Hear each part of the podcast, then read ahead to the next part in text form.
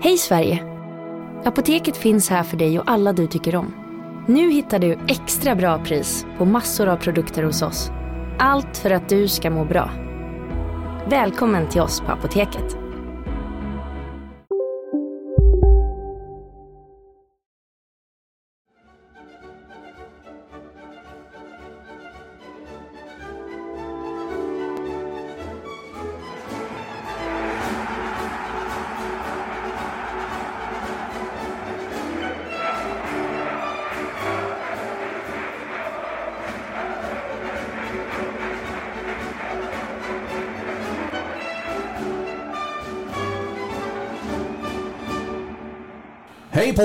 Och välkomna till veckans avsnitt av HIF-podden. Det har faktiskt hänt en del sen vi hördes senast. Marian Svab, Sebastian Rönnström och jag Mattias Hjelm. Vi kommer bland annat prata om att HIF behöver söka en ny ordförande efter att Kjell Jakobsson meddelat att han inte ställer upp för omval.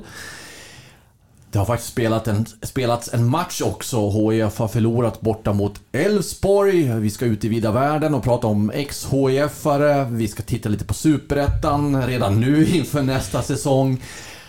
Ja, sen kanske det blir en del mer också. Eller vad, vad tror ni? Får vi ihop en, ett avsnitt den här veckan också? Men det tror jag. Där finns ju alltid saker att prata om eh, kring den här klubben. Eh, Likaså denna veckan. Eh, det är fortfarande många frågor som hänger i luften som vi inte har svaret på än. Jag tror väl kanske att det kommer att utkristallisera sig eh, kanske i nästa vecka när sista matchen är, är spelad. Eh, det skulle inte förvåna mig om det ploppar till en del pressmeddelanden från HF om spelare som lämnar, spelare som förlänger och så vidare. Men jag tror kanske att eh, Eh, de, eh, de stora eh, besluten och beskeden kanske får vänta till, till efter matchen mot Hammarby. Även om jag inte vet, men så känns väl troligt.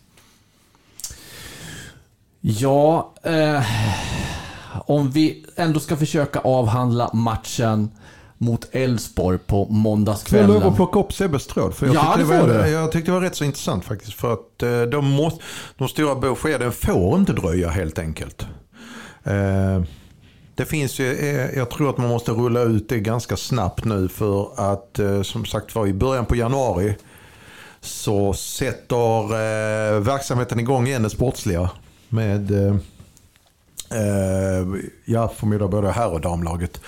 Eh, men framförallt då liksom om vi nu pratar här i ett herrperspektiv så är det så att det måste komma ut eh, relativt snabbt. Folk vill ju veta. Det kan vara allt ifrån den som står och väljer om de ska förnya sitt årskort innan jul. Den ska igång den försäljningen. De säger redan att de har liksom knutit till sig samarbetspartners Eh, i, eh, redan i en ganska stor utsträckning. Vi vet inte hur det ligger till. Sen försvinner det å andra sidan liksom pengar, centrala pengar. Eh, så va? Och sen så måste det komma kring organisationen också eh, rätt snabbt tror jag besked. Hur det blir med tränarfrågan. Vi ska inte gå in, vi har redan avhandlat vad vi tycker där och, och hur vi förhåller oss till eh, eh, spelare in och ut och så kontrakt. Men det, vi må, eh, eh, både vad det gäller ledningen, om Andreas Granqvist eh, fortsätter eller inte. Om det blir samma tränare eller om det blir en ny tränarkonstruktion. Jag tror folk går och väntar på de här. Jag förstår att det inte kommer nu innan allsvenskan är färdigspelat. Men jag är inne på Sebes. De här stora beskeden måste, tror jag, komma rätt snabbt. För att kunna, eh, liksom dels är det ont om tid redan.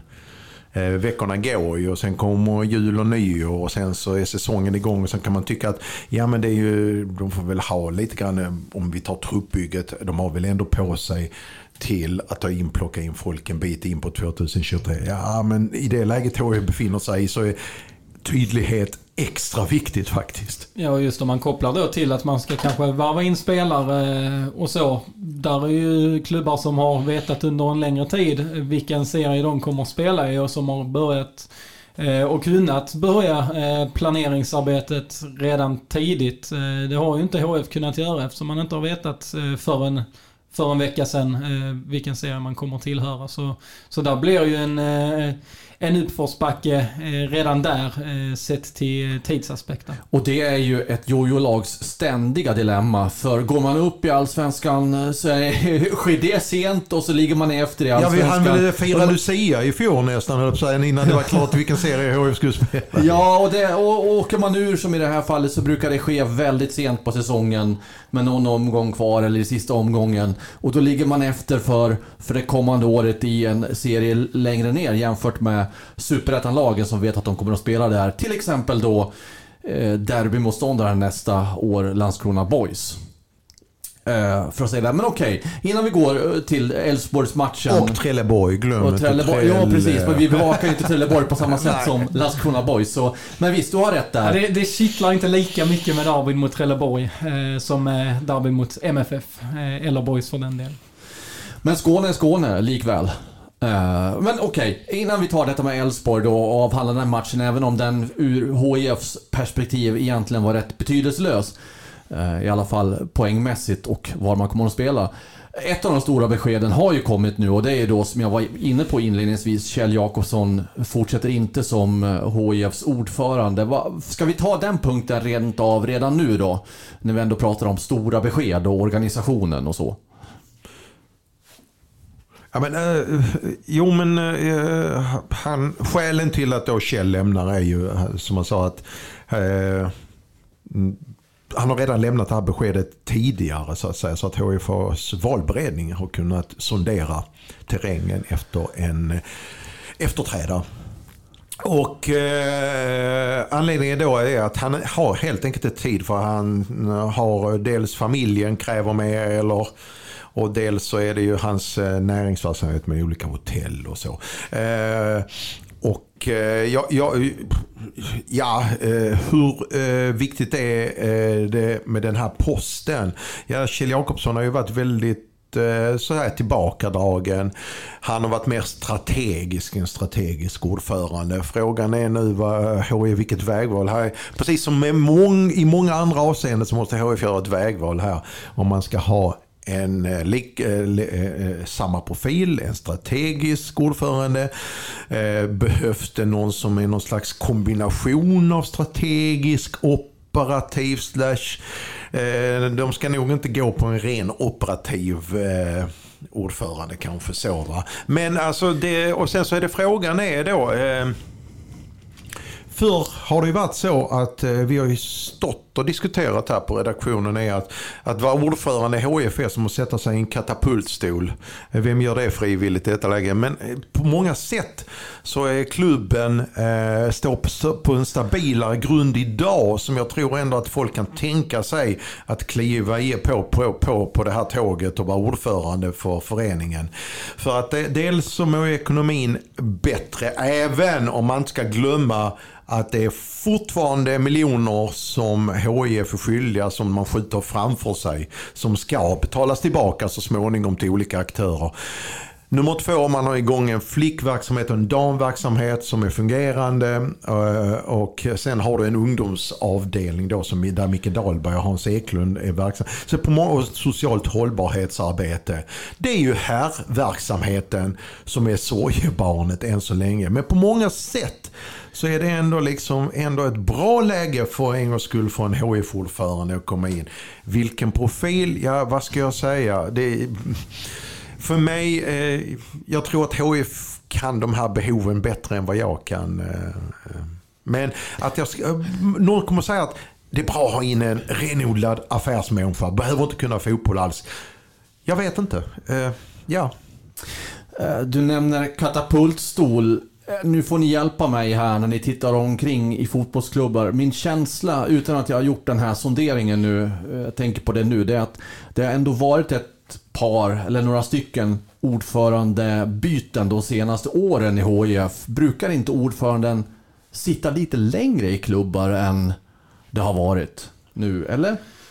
Ja, alltså jag har inte heller alla de eh, siffrorna i huvudet, alltså jämförelser med andra klubbar. Men, eh, men det är klart att det precis som på övriga poster i den här klubben så har det bytts. Och, eh, Framförallt de senare, på, De- senare, på senare tid. Från 10-talet fram innan dess var det både Sten-Inge Sjödin och sen hade det Yngvar Venhed, Claes Johansson. Så det, men visst, absolut. Jag är inne på Mattias linje. och det, det handlar ju också eh, även på, på de posterna om att eh, ett långsiktigt arbete och så vidare. Sen ska man komma ihåg att en ordförande är ju inte ensam utan han har ju en resterande styrelse med sig där. Ja, vi än så länge inte vet om, om någon hoppar av men så, några sådana besked har ju inte kommit hittills. Eh, och sen som, som du var inne på Marianne är ju också att en ordförande kan ju välja att ta ta eh, olika eh, stor plats. Eh, Kjell Jakobsson har ju varit, eh, som du sa, tillbakadragen. Han har valt att, att inte vara det här ansiktet utåt för hela klubben utan det, det de bitarna har liksom fallit på eh, Joel Sandborg och Andreas Granqvist och det, det var de som tog beslut om att sparka tränarna, det är de som tar beslut om varvningar och så vidare. Så, så det, allt som liksom har skett inom ramen för eh, ja, A-lagsverksamheten och den här degraderingen. Det är ju beslut som Joel Sandborg och Andreas Granqvist har fattat och sen som eh, st- eh, eh, styrelsen i sin tur har godkänt. Så de har ju givetvis ett stort ansvar de också. För de har ju mandat att, att sätta stopp om, om det är något beslut som de inte tycker borde fattas. Men, men så de har ju gett väldigt mycket utrymme till Sandborg och Granqvist i de här sportsliga frågorna. Jag tror inte man ska förminska en ordförandes betydelse i alla fall, för det är högsta positionen inom en organisation.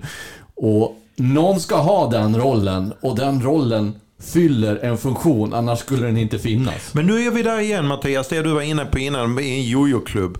Att vara ordförande i föreningar som har en stabil... Att vara ordförande i Häcken. Eh, Det skulle jag kunna gå in och säga, nej men äh, äh, äh, lite hårdraget här, eller väldigt hårdraget. Men alltså en fungerande, att kliva in genom dörrarna som ny ordförande i en fungerande verksamhet versus det du sa i en jojo-klubb.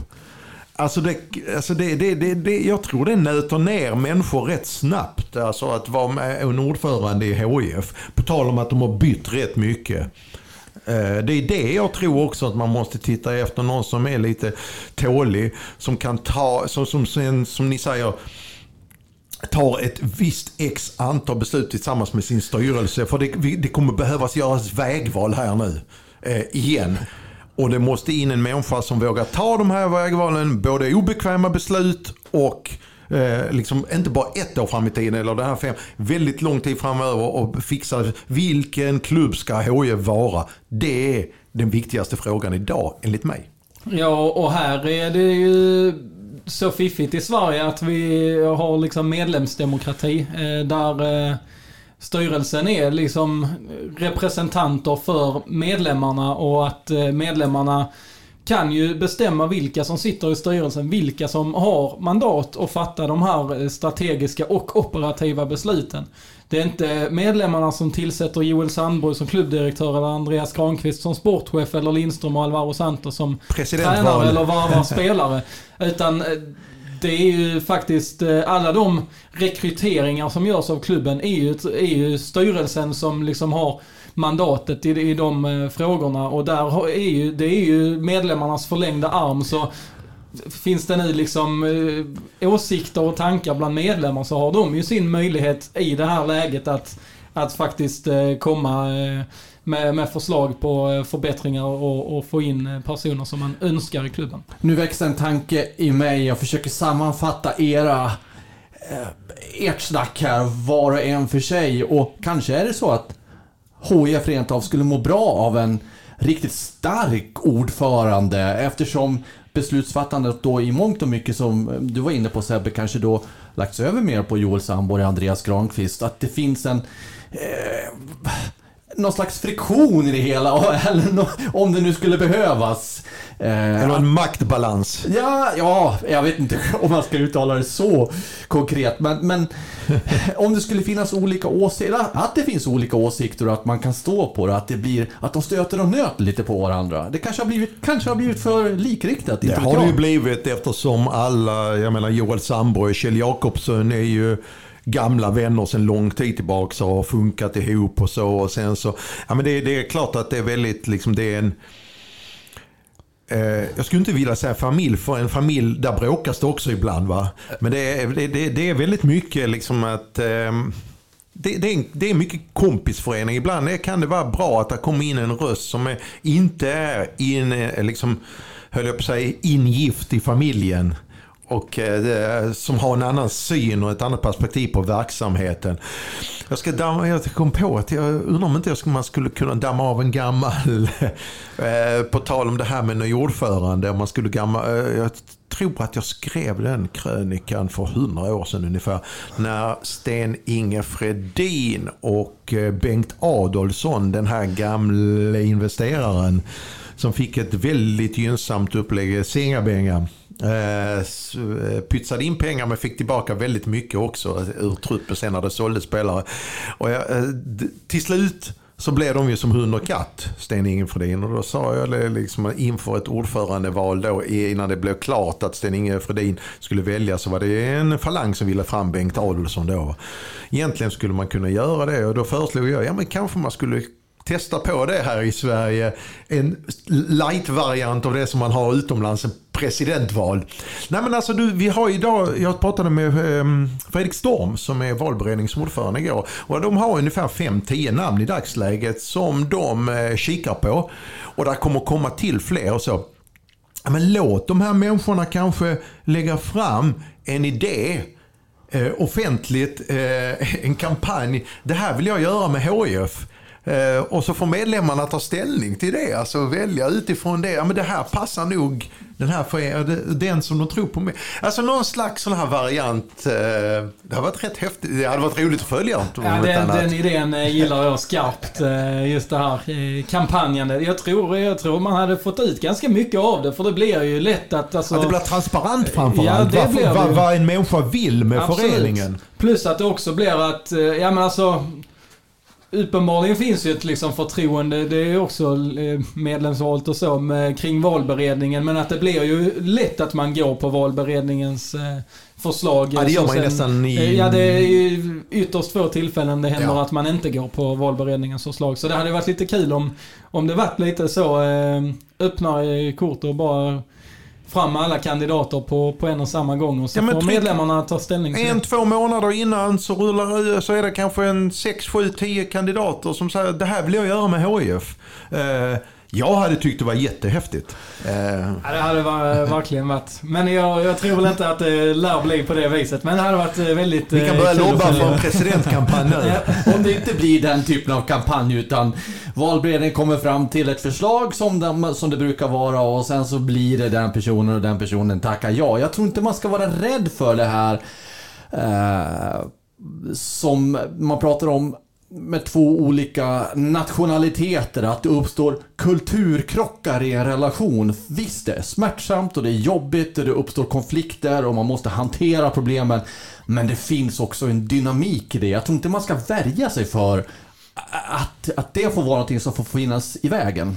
Ja, om de, ja, under förutsättning att de stora ramarna är klara innan man går in i styrelsearbetet. Ja, men alltså, som i en relation mellan två olika nationaliteter.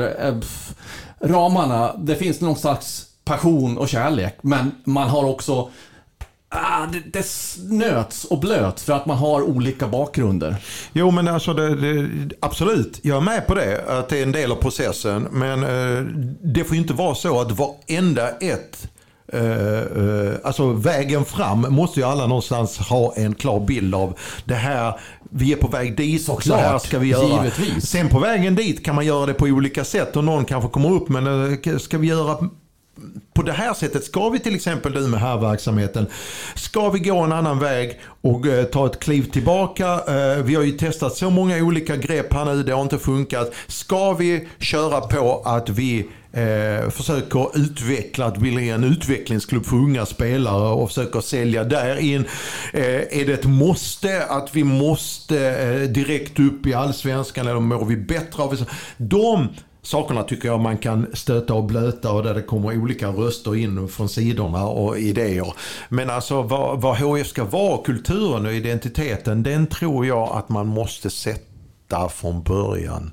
Eh, för annars blir det ganska spretigt och vinglig resa igen. Och det vill nog ingen inom HIF och ingen utom HIF ha som följer HIF. Vi släpper Kjell Jakobsson. Äh, har du någonting Ja, mer? kanske, vi kanske, det, klubben kanske kommer en dag till ett eh, läge där kanske ett damlaget tar klivet upp i damallsvenskan och herrlaget spelar en division under. Vad gör klubben i det läget? Ja, man kan hänvisa till gamla strukturer och säga att ja, men det är herrlaget som drar mest publik och så. Jo, men vi har ett damlag som ligger en division högre nu. Alltså bara lek med tanken här nu, eh, teorin. Eh, en dag står vi kanske där, eh, eller HIF. Det är nog ingen tanke kanske som inte har eh, varit frekvent eh, funderande kring inom HIF eftersom HIF alltid sett att eh, HIF ska vara i allsvenskan på här sidan. Det kanske damerna också kommer men inte att de är på eh, olika nivåer. Då skulle båda vara i högsta i så fall. De kanske är båda i divisionen under. Precis. Ja, ja. Det, är- det är en Ja. kittlande... Det dröjer ju några år innan det i så fall blir Ja, det blir det. Det är en kittlande eh, fundering för framtiden.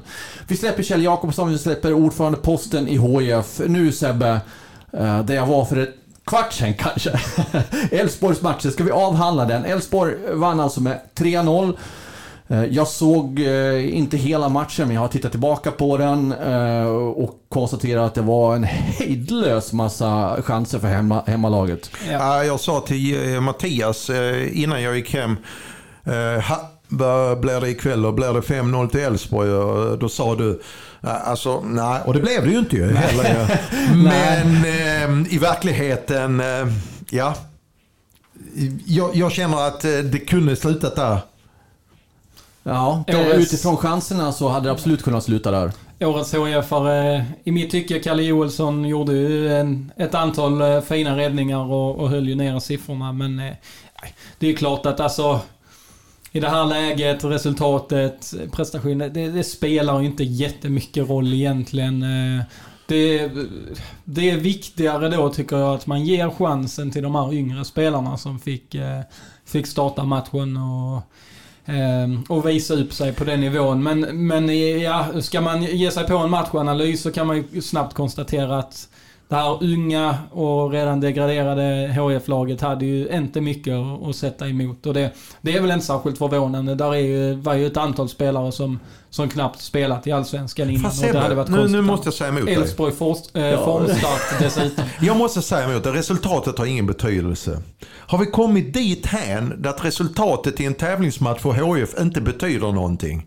Är vi där nu alltså? Rent, rent, alltså, praktiskt och att för tabellen så... Att, att det är, nej, jag fattar det för tabellen. Men är, är, vi där nu så att en insats inte spelar någon roll längre? Hur det ser ut, hur man förlorar, att man har förlorat sju raka nu eh, och eh, kan avsluta serien med åtta raka och gå in i nästa säsong med ett gäng förlora. Och, eh, har vi hamnat där nu där det är OK med att förlora matcher? Alltså Nej, det, det, nej, det, det, då, har vi, då, då, då har klubben problem tycker jag. För då är, det, då är vi långt ifrån någonting som kallas en slags tävlingskultur. Att klubben har problem, det tror jag vi alla kan vara överens om att de har haft under säsongen och fortsatt har eftersom det är många frågor som väntar på svar.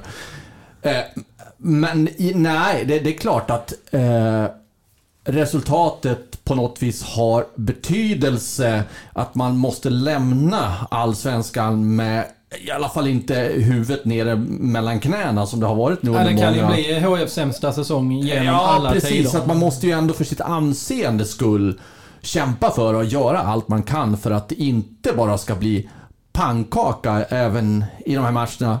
Eller den här matchen nu då som är kvar, hemma mot Hammarby.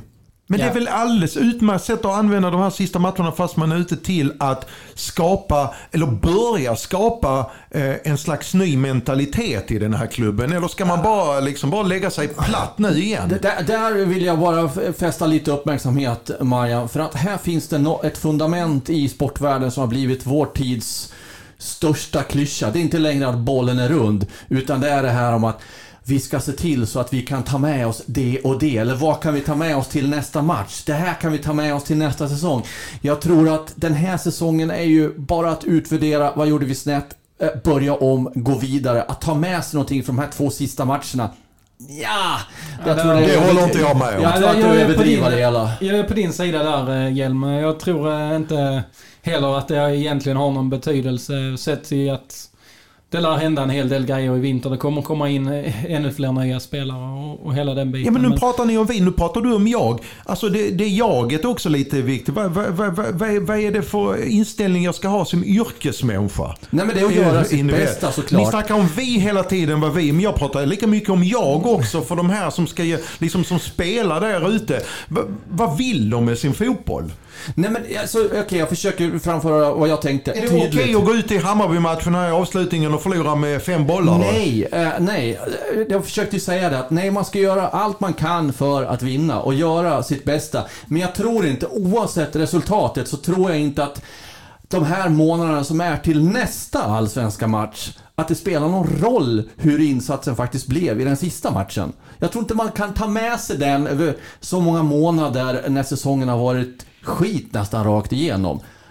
Det är två olika saker. Man ska göra sitt bästa, men jag tror inte man har någon nytta av det resultatet, hur det än går, till första matchen nästa säsong i Superettan. Var det någorlunda klar, klart vad jag tänkte? Ja, men jag, Jag gillar den här eh, hetsiga stämningen i, i studion. Nej men... Eh, ja, men åter till då eh, de här unga spelarna som då fick chansen. Vilket jag tycker var ett helt rätt eh, vägval. Det finns ingen anledning att, att ha med Rasmus Wiedesheim Paul. Han är också ung förvisso, men han har ju inte kontrakt nästa år och lär ju med all sannolikhet lämna. Ehm, så ja, då är det ju bättre att ge eh, Amin Alhamavi chansen eller eh, som nu på mittfältet Arvin Gigovic, eh, Simon Bengtsson, vänsterbacken. Så att de får, får lite erfarenhet av det här så att de kanske till nästa säsong kan kan kliva lite i hierarkin och, och eh, finnas med som, som alternativ i truppen på ett annat sätt. Eh, så det, det tycker jag är, är positivt och det är helt rätt vägval eh, att, att ta här i de sista matcherna. Sen därmed är det inte sagt att HF inte ska försöka vinna matchen, men, och det vill ju de 11 spelarna som startar, men, men det, jag ser ett viktigare värde i eh, att ge unga spelare chansen än att eh, för HF hade haft svårt nog med, med sitt eh, på pappret bästa lag mot eh, Elfsborg. Det hade ja, antagligen sett likadant ut. Det är väl också ett sätt dels för de här unga spelarna att få se hur, på hur hög nivån är eh, mot ett kompetent allsvenskt lag eller kompetenta allsvenska lag. Se om de själva räcker till eller hur långt kvar de har. Och också en slags utvärderingsmöjlighet för HIF eh, att se, okej, vad kan vi förvänta oss? Hur, hur stora steg kan de ta till nästa säsong? Ur det perspektivet så är det ju rätt att släppa fram unga spelare. Ja, plus att Arvin Gigovic då som eh, sista års junior, han, eh, han står, där står ju klubben, ja nu känns det ju som att mycket talar för att han får ett kontrakt. Men, eh, men där är ju också ett vägval klubben måste göra. Ska man ge honom ett kontrakt eller ska man inte ge honom ett kontrakt? Och då är det ju perfekt att testa honom mot, eh, mot bra eh, motstånd för att se vilken nivå han håller. För det är ju svårare att se i en U21-match eller en P19-match. Simon Bengtsson då har ju ett år kvar som junior så det är ju ingen brådska ur, ur det perspektivet. Men det är också en sån spelare som knackar på dörren eh, till ett kontrakt eh, och som eh, behöver visa upp sig för att, för att man ska kunna se vilken nivå han håller. Men, trots att det var en, för tabellen säger vi nu så att vi är för, för, för konsensus skull här i studion. För tabellens skull. Jag spelar- behöver ingen konsensus i studion. Jag, vet, Så- jag så- tycker så- fortfarande en tävlingsmatch är en så, så hade tävlingsmatch. varken en seger oavgjort eller, som det blev nu, förlust förändrat det faktum att HIF kommer att spela i Superettan nästa säsong. Då var det däremot väldigt intressant att läsa er rapportering därifrån Sebbe, din och Erik Perssons.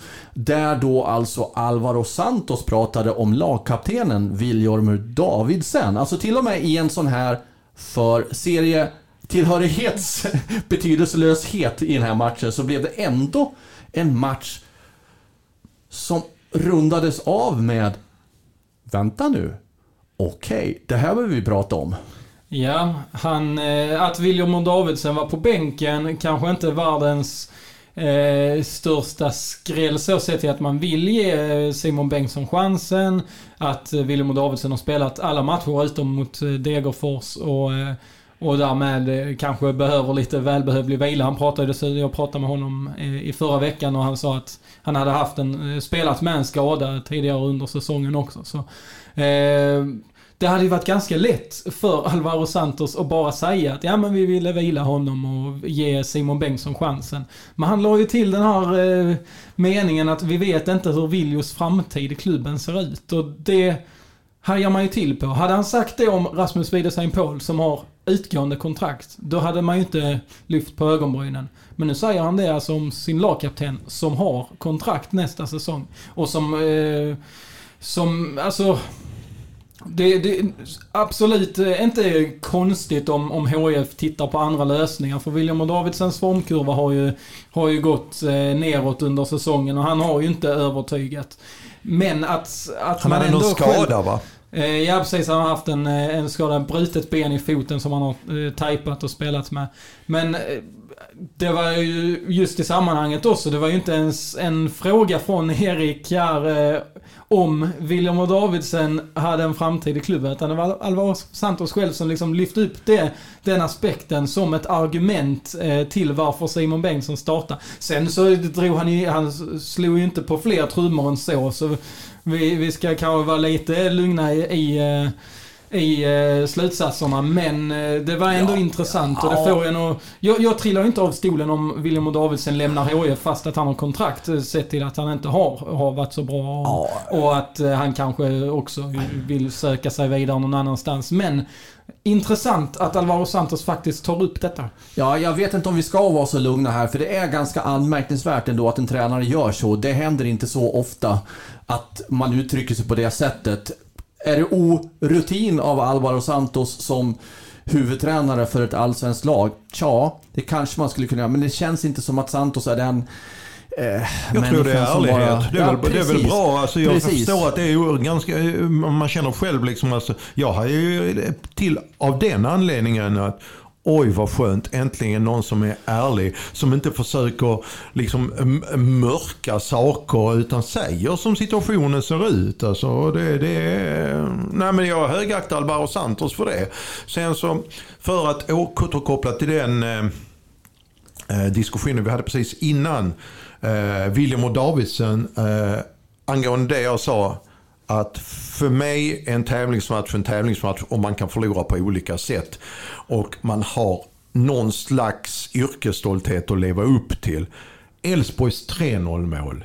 Det är det jag menar med att HIF saknar eh, eh, eh, en inbyggd liksom slags tävlingskultur. Jag säger inte vinnarkultur för det kan jag tycka är lite grann eh, flummigt. Men alltså att man vill tävla i varje situation. Titta på Elfsborgs 3-0 mål när William och Davidsen. Ja, Simon Bengtsson dessförinnan blev eh, eh vid 2-0 målet blev undanlyft, undanskuffat av ja. Men Simon Bengtsson försöker där. Sen att han kanske inte räcker till för att han inte har rutinen och för att han får den där knuffen och att han inte är riktigt där uppe än. Fine, det köper jag för det krävs ett x antal matcher. William och Davidsson har fått... Vi är specialister på det vi gör, precis som du. Därför försäkrar vi på Swedea bara småföretag, som ditt. För oss är små företag alltid större än stora och vår företagsförsäkring anpassar sig helt efter firmans förutsättningar. Gå in på swedea.se företag och jämför själv.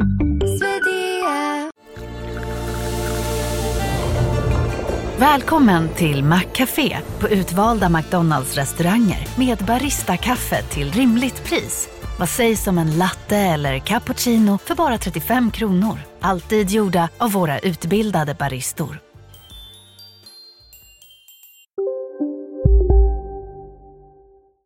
x antal matcher i HIF. Och har hur mycket matcher som helst bakom sig. In, och, och ändå åker han på den här billiga, billiga snurr, alltså han blir bortsnurrad vid 3-0 målet. Alltså och har spelat fotboll så länge.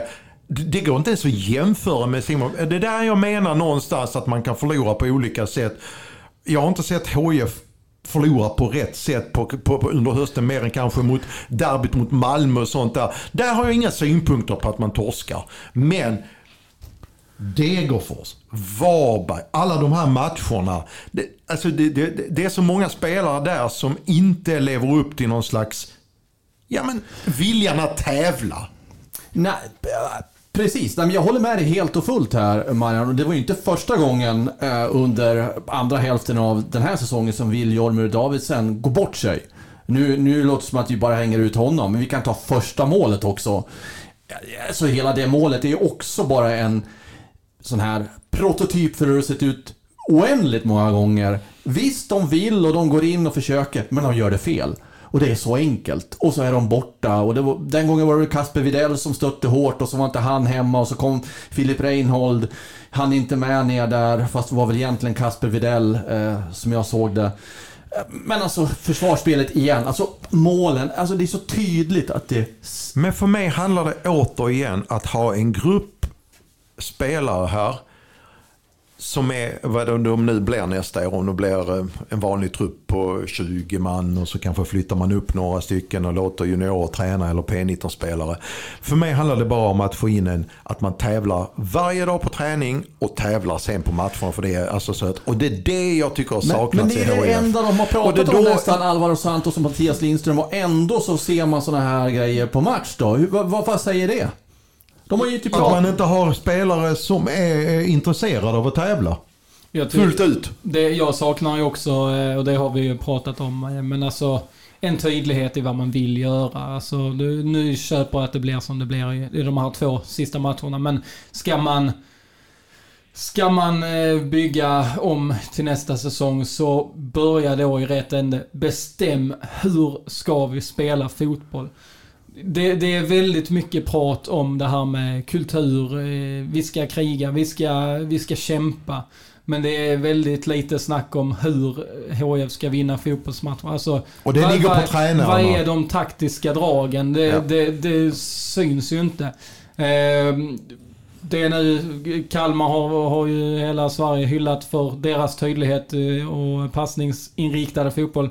Eh, nu pratar hela Sverige om Häcken-fotboll. Eh, ja, fråga, alltså... Inte ens tränarna i HF kan ju säga, verkar kunna svara riktigt på vad, vad HF-fotboll är. Eh, och det, det är också lite beklämmande. Alltså det, där, där är det absolut att eh, Alvaro Santos och Mattias Lindström kom in i ett tufft läge. Fick, ja, byggde om en tredjedel av truppen och det kanske var svårt att, att sätta eh, strukturerna eh, på den tiden. Men till nästa säsong om, om de då blir kvar som tränare, då måste man ju verkligen börja sätta en tydlighet i vad man vill göra och inte, inte bara att det ska, man ska kämpa och, och slita för klubbmarket utan också eh, mer av eh, spelmönster och, och passningsvägar och, och, och det taktiska tror jag där behöver läggas mer eh, tyngdvikt eh, på de grejerna. Jag ser Alvaro Santos uttalande om nu lagkaptenens eh, liksom vara eller icke vara, eller framtiden. Eh, att eh, det kanske är en signal om att det är ett arbete som har påbörjats att eh, det är fler än lagkaptenen som man vill få bort från klubben. Eh, jag är ganska är säker på alltså att eh, det är mer än William och Davidsson som har kontrakt. Där man känner liksom att det här vill vi avsluta, det här samarbetet. Utan att veta vilka, eh, jag ska inte gå in, det har vi redan också sagt vilka som kan tänka Men alltså jag, jag, jag kan tänka mig att tränarna eh, som Alvaro Santos, hade det, eh, det gäller inte bara för William och Davidsson det här han sa. Jag tror att det är fler som är, kan vara på väg ut. Eh, och då, då, då ser jag det kanske som början, att det är ett sundhetstecken, att det är början på någonting nytt. Det kanske är så att de om HIF nu tänker att Santos ska vara kvar, att Santos någonstans eh, förmedlar utåt att okej, okay, ska jag fortsätta här, då vill jag se förändringar. Precis. Och det här är en av de förändringarna jag vill se. Ja, och det kommer nog följa fler. Det var som Sebbe var inne på, det kommer nog förmodligen komma fler sådana här, där vi ser lösen där, där man har bryter kontraktet med spelarna. Och jag tror HIF behöver det. Jag skulle... Det, det var vi på du och jag Ja, det har vi varit förra veckan. Vilka hade jag varit tränare så hade jag liksom, vilka, vilka spelare jag skulle avsluta äh, samarbetet med vare sig de har kontrakt eller inte kontrakt, eh, så har jag en ganska klar bild av vilka som är värda. Beroende på vilket vägval klubben gör givetvis. Eh, sportligt vägval man gör. Men eh, jag kan inte tänka mig att de här spelarna, eh, den här truppen idag eh, överhuvudtaget, den ska inte se likadan ut när de står där under, när försäsongen börjar. Om HIF vill eh, förändra. Nej, och, och en spelare som kanske landar någon annanstans, det är ju Taha Ali. Det har i alla fall ryktats om att AIK skulle vara intresserat av honom. Hur mycket som ligger i det, det vet inte jag. Men ja, det kanske är ett sätt för HIF att få tillbaka pengarna för uh, Taha Ali. Ja, de lär ju nog ändå hålla ganska hårt i honom. Han varvades väl för ja, men runt 4 miljoner av externa finansiärer. Eh, som i HIF eh, Eh, gärna vill betala tillbaka så eh, småningom ju såklart. Ehm, Ta Ali har ju inte levt upp till de väldigt höga förväntningarna som många ställde på honom. Ehm, det är klart att man kunde ha nyanserat de förväntningarna. Även liksom jag var ju ganska lyrisk över, över honom eh, inför säsongen. Men jag baserar också de slutsatserna på att HIF själva har gjort en väldigt stor grej av Taha Ali. Man investerar som sagt tungt i honom. Eh, och samtidigt har man också gjort väldigt mycket för att hypa upp honom. Man har eh, kört sådana här TikTok-videos och, och hela den biten. Alltså man har verkligen byggt varumärket Ta Ali. Så, så HIF har ju i högsta grad själva bidragit till de här höga förväntningarna. Jag var försiktig från början, men jag drogs med, sveptes med efter hans match mot Djurgården borta. Då trodde jag, fortsätter han så här liksom, så försvinner han till sommaren. Det är ingenting jag skäms över jag skrev. Jag skrev också att HF kommer få en bra slant för honom. Men efter det, när motståndarna, eh, han, han är fortfarande mot Elfsborg kan man säga, när han vänder upp Johan Larsson under, i stort sett hela matchen. Men sen då? Mot Djurgården kom det ju faktiskt en effekt av Eh, eh, av hans fotboll, så att säga. Hans fotbollskunskap och skills. Men efter den matchen så blev det ju inte så mycket mer ju. Nej, och det är ju det som gör att man undrar lite eh, hur stort intresset är. Då i sommar skrev ju Fotbollskanalen om intresse från Italien och Portugal eh, bland annat. Så där... Men, men nog är det allsvenska klubbar som är sugna på Tara Ali. Det, det tror jag absolut. Och det snackas då som sagt om AIK. Det känns ju som en hyfsat eh, logisk eh, varvning av AIK. De har om de inte, gör det alltså? Om ja, de gör om det. de gör det. Eh, för de, de har, står sig i ett litet vägval nu. De ska bygga om lite i truppen. En del rutinerade pjäser som lämnar. Visserligen inte på Ta Alis position, men, men där är ju inte jättemånga vassa eh, alternativ på deras yttermittfält till exempel. Samtidigt som Taha Ali har ett band till Stockholm. Han är väldigt nära vän med Bilal Hussein i, AIK. Så alltså sett till det, både den sociala biten och vad AIK kanske behöver för spelartyp och var de har luckor i truppen och så vidare så skulle det ju vara ganska logiskt eh, eh, om, om det blir en, en sån övergång. Om det nu ligger något i uppgifterna. Det vet ju inte vi men, men det, det, det hade det hade känts eh, rimligt för alla parter. Jag vet att vi pratade inför den här säsongen, i början av säsongen, också om det faktum, jaha, Taha Ali, okej. Okay. Vi vet om hans eh, skills. Men kommer han att få ut dem i ett lag som förmodligen inte kommer att ha så mycket boll? Vi pratade om det. Om han skulle hamna i AIK så skulle han ju få vara i ett lag då som har betydligt mycket mer boll. Kanske skulle det få, få det till att han flyger. Jag vet inte, men det... Ja, spekulationer. Ja, och plus att AIK ju har eh, starka anfallare. John Guidetti och, och Stefanelli och så här som, som kan göra mål. Så det, den tyngden och pressen kommer inte ligga på, på just honom i, i kanske poängproduktionen utan att han mer kan luckra upp försvaren och, och skapa eh, ytor eh, på det sättet. En annan klubb han hade kanske kunnat passa i Sirius. Där är det inte så, så viktigt att vinna fotbollsmatcher heller. De är ju väldigt, eh, eh, håller ju väldigt hårt i sin spelidé och att det ska vara fotboll längs marken och så vidare. Där hade han kanske också kunnat eh, passa in, jag vet inte. Men, eh, men eh, AIK hade tror jag hade kunnat passa bra för, eh, för både för Tar Ali och sen att Tar Ali hade kunnat passa bra för HIF måste ju, där, där har vi ett nytt vägval. Det hänger på det vägvalet HIF gör. Eh, där en massa bitar då, man ska plocka in en massa bitar i analysen är att eh, är det tanken att man ska vinna superettan direkt och studsa tillbaka som Halmstad? Uh, jaha, ja, ja, men då är det ju sin sak. Då behåller man nog troligtvis Tahali. Eller är det viktigt att frigöra resurser och försöka tjäna lite grann på affären. Uh, låta spe sälja spelaren för att vi har valt den här vägen att gå och satsa istället på en uh, vad heter han nu som var provspelare? Noah Eh, Noah Kristoffersson. Kristoffer, nu spelar han ju inte på exakt samma... Han har ju varit rätt så mycket vänsterytter Precis, vänsterytter. Men man, man, rör sig det är, i den positionen. Det är en annan spelartyp. Han skulle kunna konkurrera i en sån Men han är position. billigare och HF behöver kanske pengarna med, med inkomstbortfallet till superettan och sånt. Ska vi sälja av det vi kan idag? Ja men då gör man det. Då kanske följer det fler som tar Harley. Då kanske man säljer Lingman till HJK Helsingfors. Lukas Lingman då som också externa finansiärer har bekostat. Och så rensar man bordet där och börjar om. Alltså, det är så mycket som hänger ihop här nu. Och det är stora beslut och de måste tas rätt snabbt också som vi har varit inne på. Eh, Eh, Eh, det ska bli spännande att följa vad HIF, vilket vägval de gör. Man skulle ju också kunna se det som så att om man kopplar på det du säger, ska HIF försöka studsa tillbaka direkt igen? Ja, försöka, det ska jag. Såklart man gör ja, jag, jag har ju själv sagt att man ska gå in för att vinna, liksom få in ja, den här tävlingskulturen, och mentaliteten. Och, och, och, och, sen om den räcker till för att vinna superettan, jag vet inte. Men... Nej.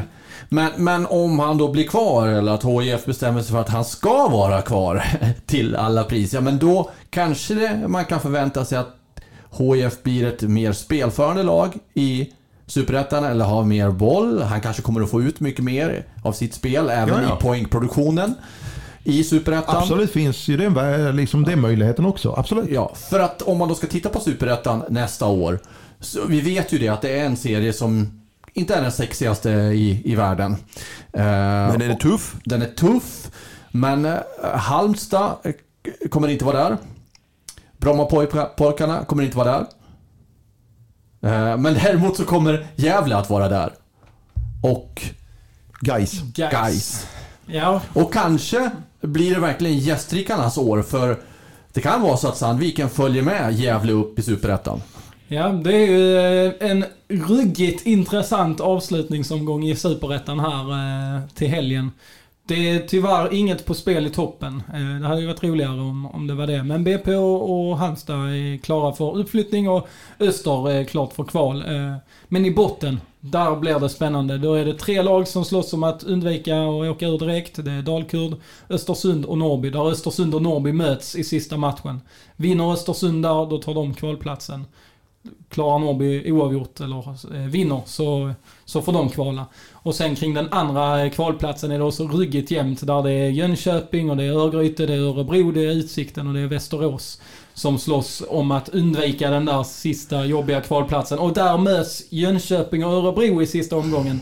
Så det är två matcher som är otroligt viktiga för eh, bottenstriden. Men framförallt så har vi också så att Falkenberg kan gå upp. Det kan bli, Exakt. HF kan ju få möta laget vid havet igen och där Kristoffer Andersson är tränare. Och de, kvalar, de är klara för kval redan nu. Och där Adam Eriksson är, med i truppen också. Eh, Falkenberg kommer i så fall, eller de, de kommer ju eh, gå till kval och de kommer då få möta det laget av Norrby, Östersund och Dalkurd mm. eh, som får kvala. Och då de andra lagen som jag nämnde de kommer då få möta Sandviken i eh, Och uppifrån så är det redan klart att Sundsvall också följer med HIF ner och sen så blir det antingen Degerfors eller Varberg.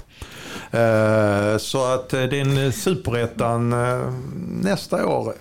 Ja men det är klart att HF kommer att få bära favoritskapet beroende på som sagt var, är det en truppsammansättning där det är en massvis med unga spelare där man satsar på ett, på ett helt annat, liksom, en annan satsning, en annan sorts satsning. Ja men då kanske inte man ska liksom måla ut HIF som att man måste vinna C eller ta en av de två direktplatserna direkt. Och, och då har HIF medvetet förhoppningsvis kommunicerat ut detta. att så här kommer det se ut. Eh, eh, det, nu väljer vi att gå den här vägen istället för att slippa bli ett, en jojo-klubb. Eh, men det kommer bli en tuff superettan, det är jag helt övertygad om. Men, men äh, jag måste bara få, få snudda vid detta, även om det inte rör HIF. Eller ja, det gör det kanske indirekt för nästa säsong då, men tänk om Örebro hamnar på kvalplatsen och åker ur. Samtidigt som då HIF har gått en sån jättekamp mot Degerfors. eh, Där Degerfors nu har 10, är det 10 raka utan Ja, det förlust. Efter eh, att ha spelat oavgjort nu i den här omgången. Alltså lilla Degerfors som förvisso tillhör Värmland men det är inte så långt ifrån Örebro. Och gamla klassiska Örebro. Tänk om de skulle hamna i ettan. Vilket fiasko! Vilket är också en varningssignal för att Örebro eh, tog ju inte... Hur många poäng tog de i fjol när de åkte ur? Jag kan googla fram det snabbt här medan du för då finns det en parallell till eh, hur eh, det har sett ut, hur många poäng som HIF har tagit i år. Eh, Örebro hade en miserabel säsong med ner. Nu vet jag inte i hur men, men de valde nog att hålla fast vid många spelare, va? gamla spelare som följde med ner. Ja, det var ju en hel del. Bland, alltså, Det en hel del meriterade spelare. De tog 18 poäng. HF står på 17. just nu. 17 poäng. Örebro gjorde så här att man åkte ner och har haft ungefär samma manskap i år.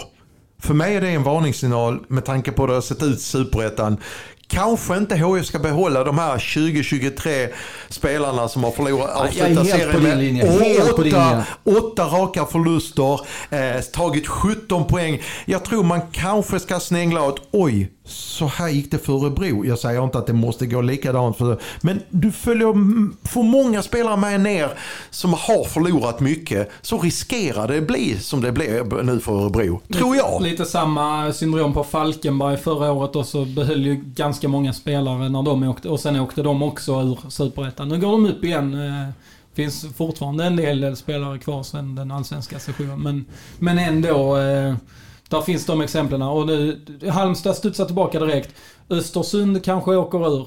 Örebro kanske åker ur.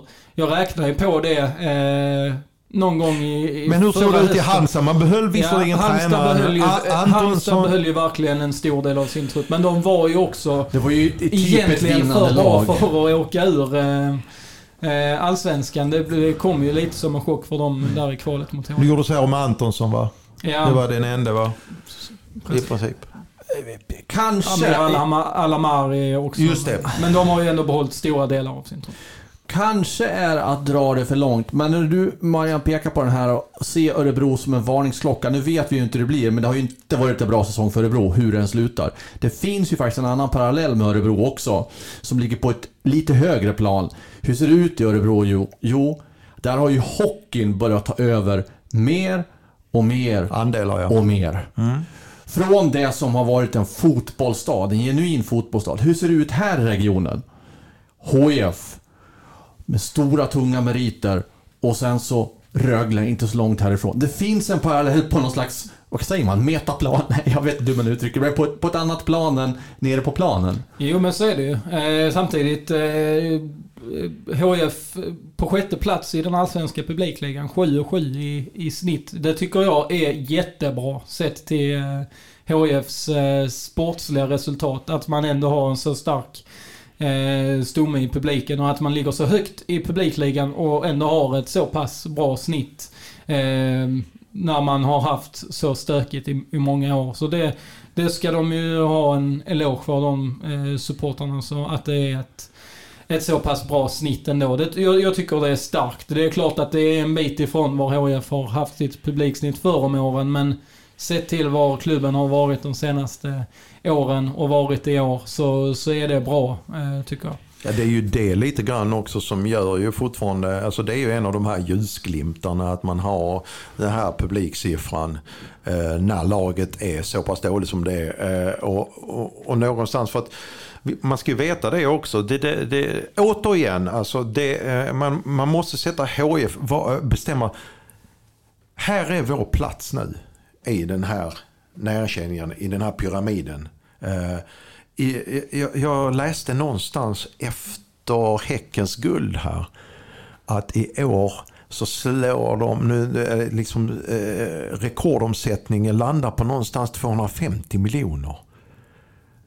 Tänk då på vad HIF omsätter. Eh, eh, häcken som man alltid har sett som en liten klubb. och Som så. inte har det publiksnittet här. Som inte har- det var det jag Men skulle som, komma som till. förvisso har Gothia Cup som är en enorm Och intäkt. ett av Sveriges bästa eh, damlag också. Ja. Ja. Så det, det ska ju med i, i resonemang. Ja, ja absolut. Uh, Gothia Cup, men jag menar, det fick de inte bara slängt i knät sådär. Och det är liksom någonting som man har jobbat upp genom åren också. Va? Man får alltid höra det från olika fans att Gothia, ja men de har ju alltid Gothia. Ja men de måste ha gjort någonting också för att skapa den turneringen man har gjort en gång i tiden. Uh, och låta det växa. Det är som att säga att Eskils, Eskilsgruppen här nere, uh, Eskilsminne liksom. Ja men de har ju Eskilsgruppen alltid som de får in pengar på. Ja, men någonstans startar ju alla kuper om man jobbar upp det. Men jag tycker det är imponerande av Häcken. eh, Alltså det som ni säger, de har väl knappt över 4000 i snitt. Ja, jag tror de har Fyra, sju, 4 va? och 7. Ja, ja, okej, men det är en betydligt lägre än eh, HIF. från- Om man omsätter 250 miljoner i en stad där man har konkurrens av Blåvitt, ÖIS, Gais bland fotbollen ändå, ändå och sen Västra Frölunda då på hockeysidan.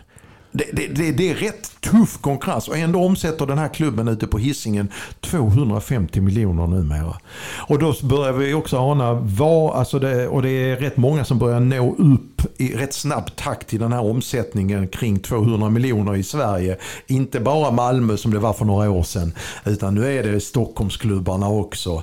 Eh, Norrköping har en jättehög omsättning.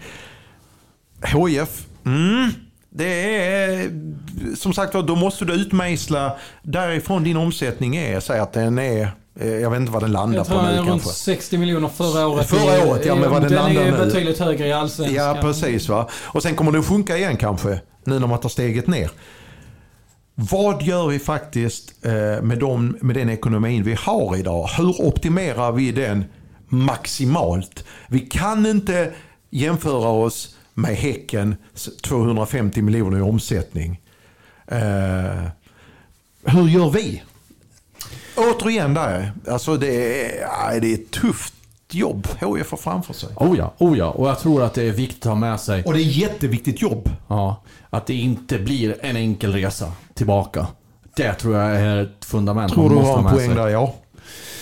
Ja, eh, Vida Världen och ex-HIF-are. Vi kanske när vi ändå är inne på namn eh, från i år, att vi tar ex-HIF-are först. För där har du... Ja, det blir en specialare idag. Ehm, inte riktigt samma eh, eh, sak som vi br- brukar köra, utan jag tänkte ta en eh, trio. Vi kan börja med eh, en som inte är i denna trion då, eh, men Alexander Falsetas då som, eh, som ju tillhör Häcken, som vi pratade om här precis. ehm, Som, det finns en intervju med som ute på hd.se. Precis, jag pratade med honom efter matchen nu mot Elfsborg eh, om det här med kontrasterna att eh, hans eh, lagkamrater i Häcken sprang runt med guldhjälmar på Gamla Ullevi och, och festade hela natten lång medan han förberedde sig inför matchen mot Elfsborg. Det är Eh, snudd på unikt att ha, eh, Han är- uppleva den dubbelheten. han, är, han tillhör två klubbar. Den ena vinner SM-guld och den andra åker ur Allsvenskan. Den kontrasten eh, eh, satte han ord på i den här intervjun som finns ute på, på sajten. Eh, men då tänkte jag vända på det hela och prata om lite andra kontraster eh, kopplat till HIF då. HF börjar säsongen med 4-3-3. Ett tremannamittfält med Lukas Lingman, Albert Juppi och Armin Gigovic. Lukas Lingman lämnade. Eh, vi, vi, ni pratade ju om honom i förra podden här. Eh, spelar nu igen då i HIK i Finland där han har blivit mästare i ligan och spelat Europa League mot eh, Roma och Real Betis. Även Ludogorets eh, kan man ju nämna där även om det inte är lika stor klubb. Eh, där kan man ju också snacka om kontraster. Eh, att han lämnade det sjunkande skeppet och eh, fick uppleva otroligt häftiga matcher istället. Albert Juppi lämnade ännu tidigare eh, för Österrike. Slapp också åka ur Allsvenskan och spelade nu senast mot Red Bull Salzburg i österrikiska ligan. Salzburg som är med och slåss om att gå till slutspel i Champions League. Nu spelar ju inte han i Salzburg utan eh, i, eh, i en annan klubb i Österrike. Men eh, just kontrasterna att han får möta ett Champions League-lag i Österrike. Hur gick det för dem? De... Ska vi se, har vi uppe här. De förlorade med 1-0 och enligt Transfermarkt så spelade Albert Juppi som mittback i en fembackslinje Oj! i den matchen. Se där. Mot, eh, Wow. kanske fick stångas då mot Benjamin Cesko som eh, slovenen som sänkte Sverige i Nations League. Det får du eh, kolla upp. Du som gillar att kolla på matcher i efterhand. Ja.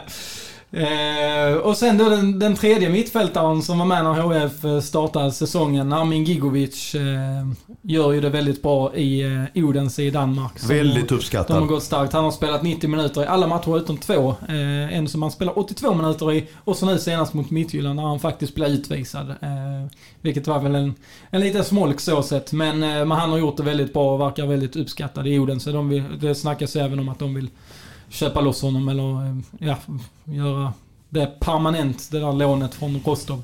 Så eh, där har ni de tre mittfältarna som startar säsongen eh, i HIF eh, och spelar de första matcherna ihop på mittfältet.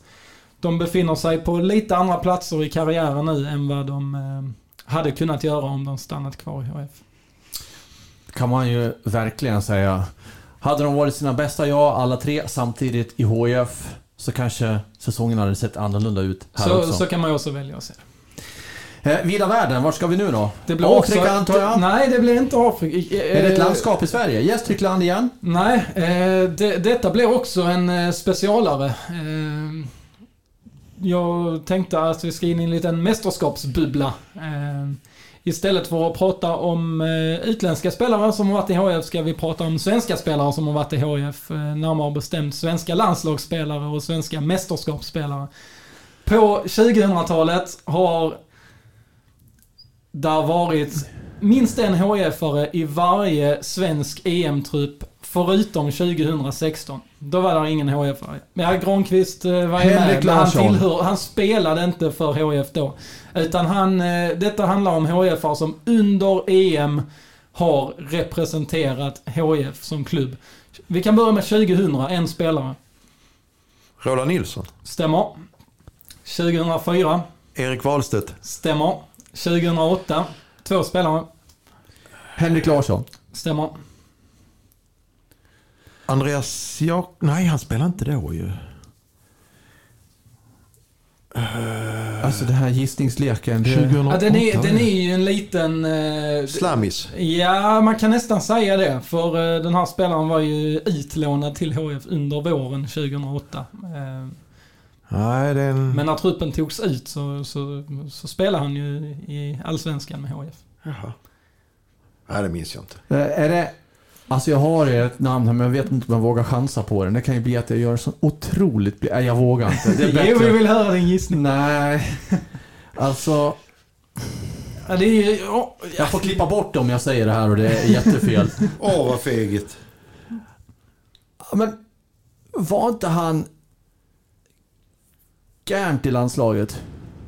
Ja, det, det är ingen jättedum gissning. Det, det var snarare att han var aktuell i så fall inför 2012. Men eh, inte 2008. Så det, det, det är liksom inte jätteskämskudde på här nu. Nej, det har, Jag ger mig det har det på.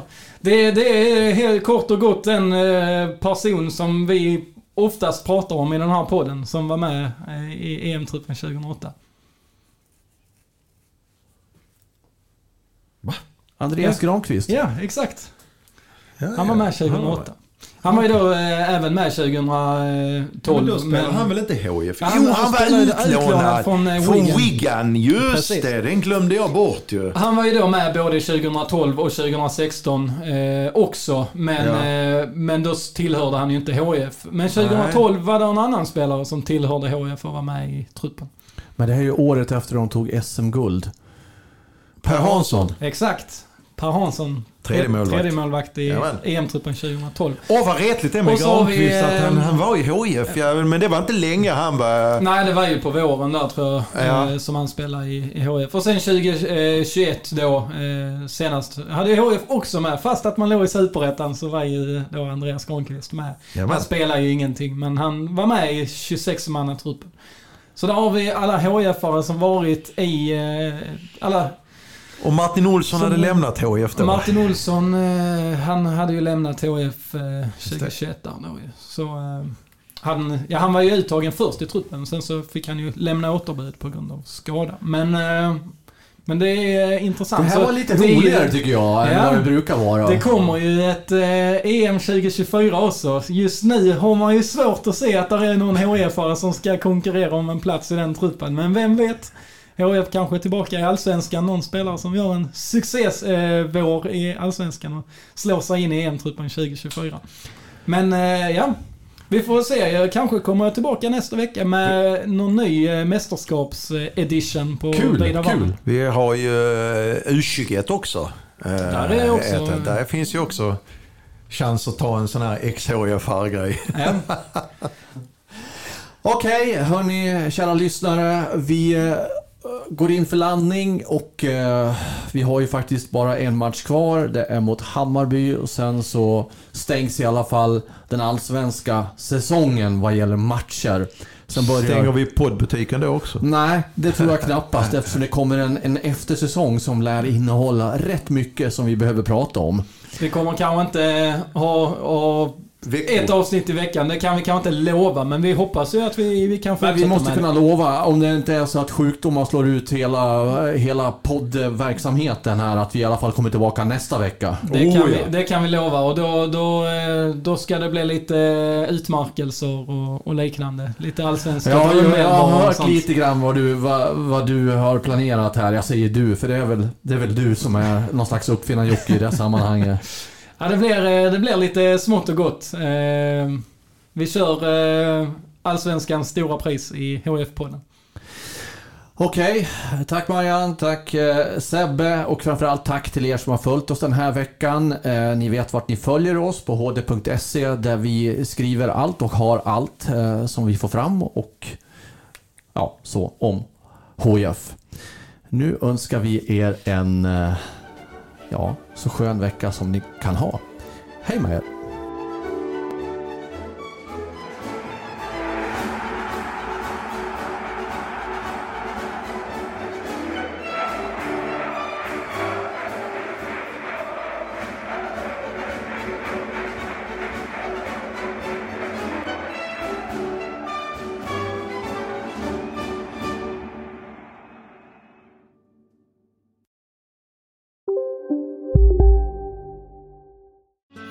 Susanne Axel här. När du gör som jag och listar dig på en av Krys vårdcentraler får du en fast läkarkontakt som kan din sjukdomshistoria. Du får träffa erfarna specialister, tillgång till lättakuten och så kan du chatta med vårdpersonalen. Så gör ditt viktigaste val idag, lista dig hos Kry. Redo för sportlovets bästa deal? Ta med familjen och njut av en Big Mac, McFeast eller Cooper Cheese och Company plus en valfri Happy Meal för bara 100 kronor. Happy Sportlovs deal, bara på McDonalds.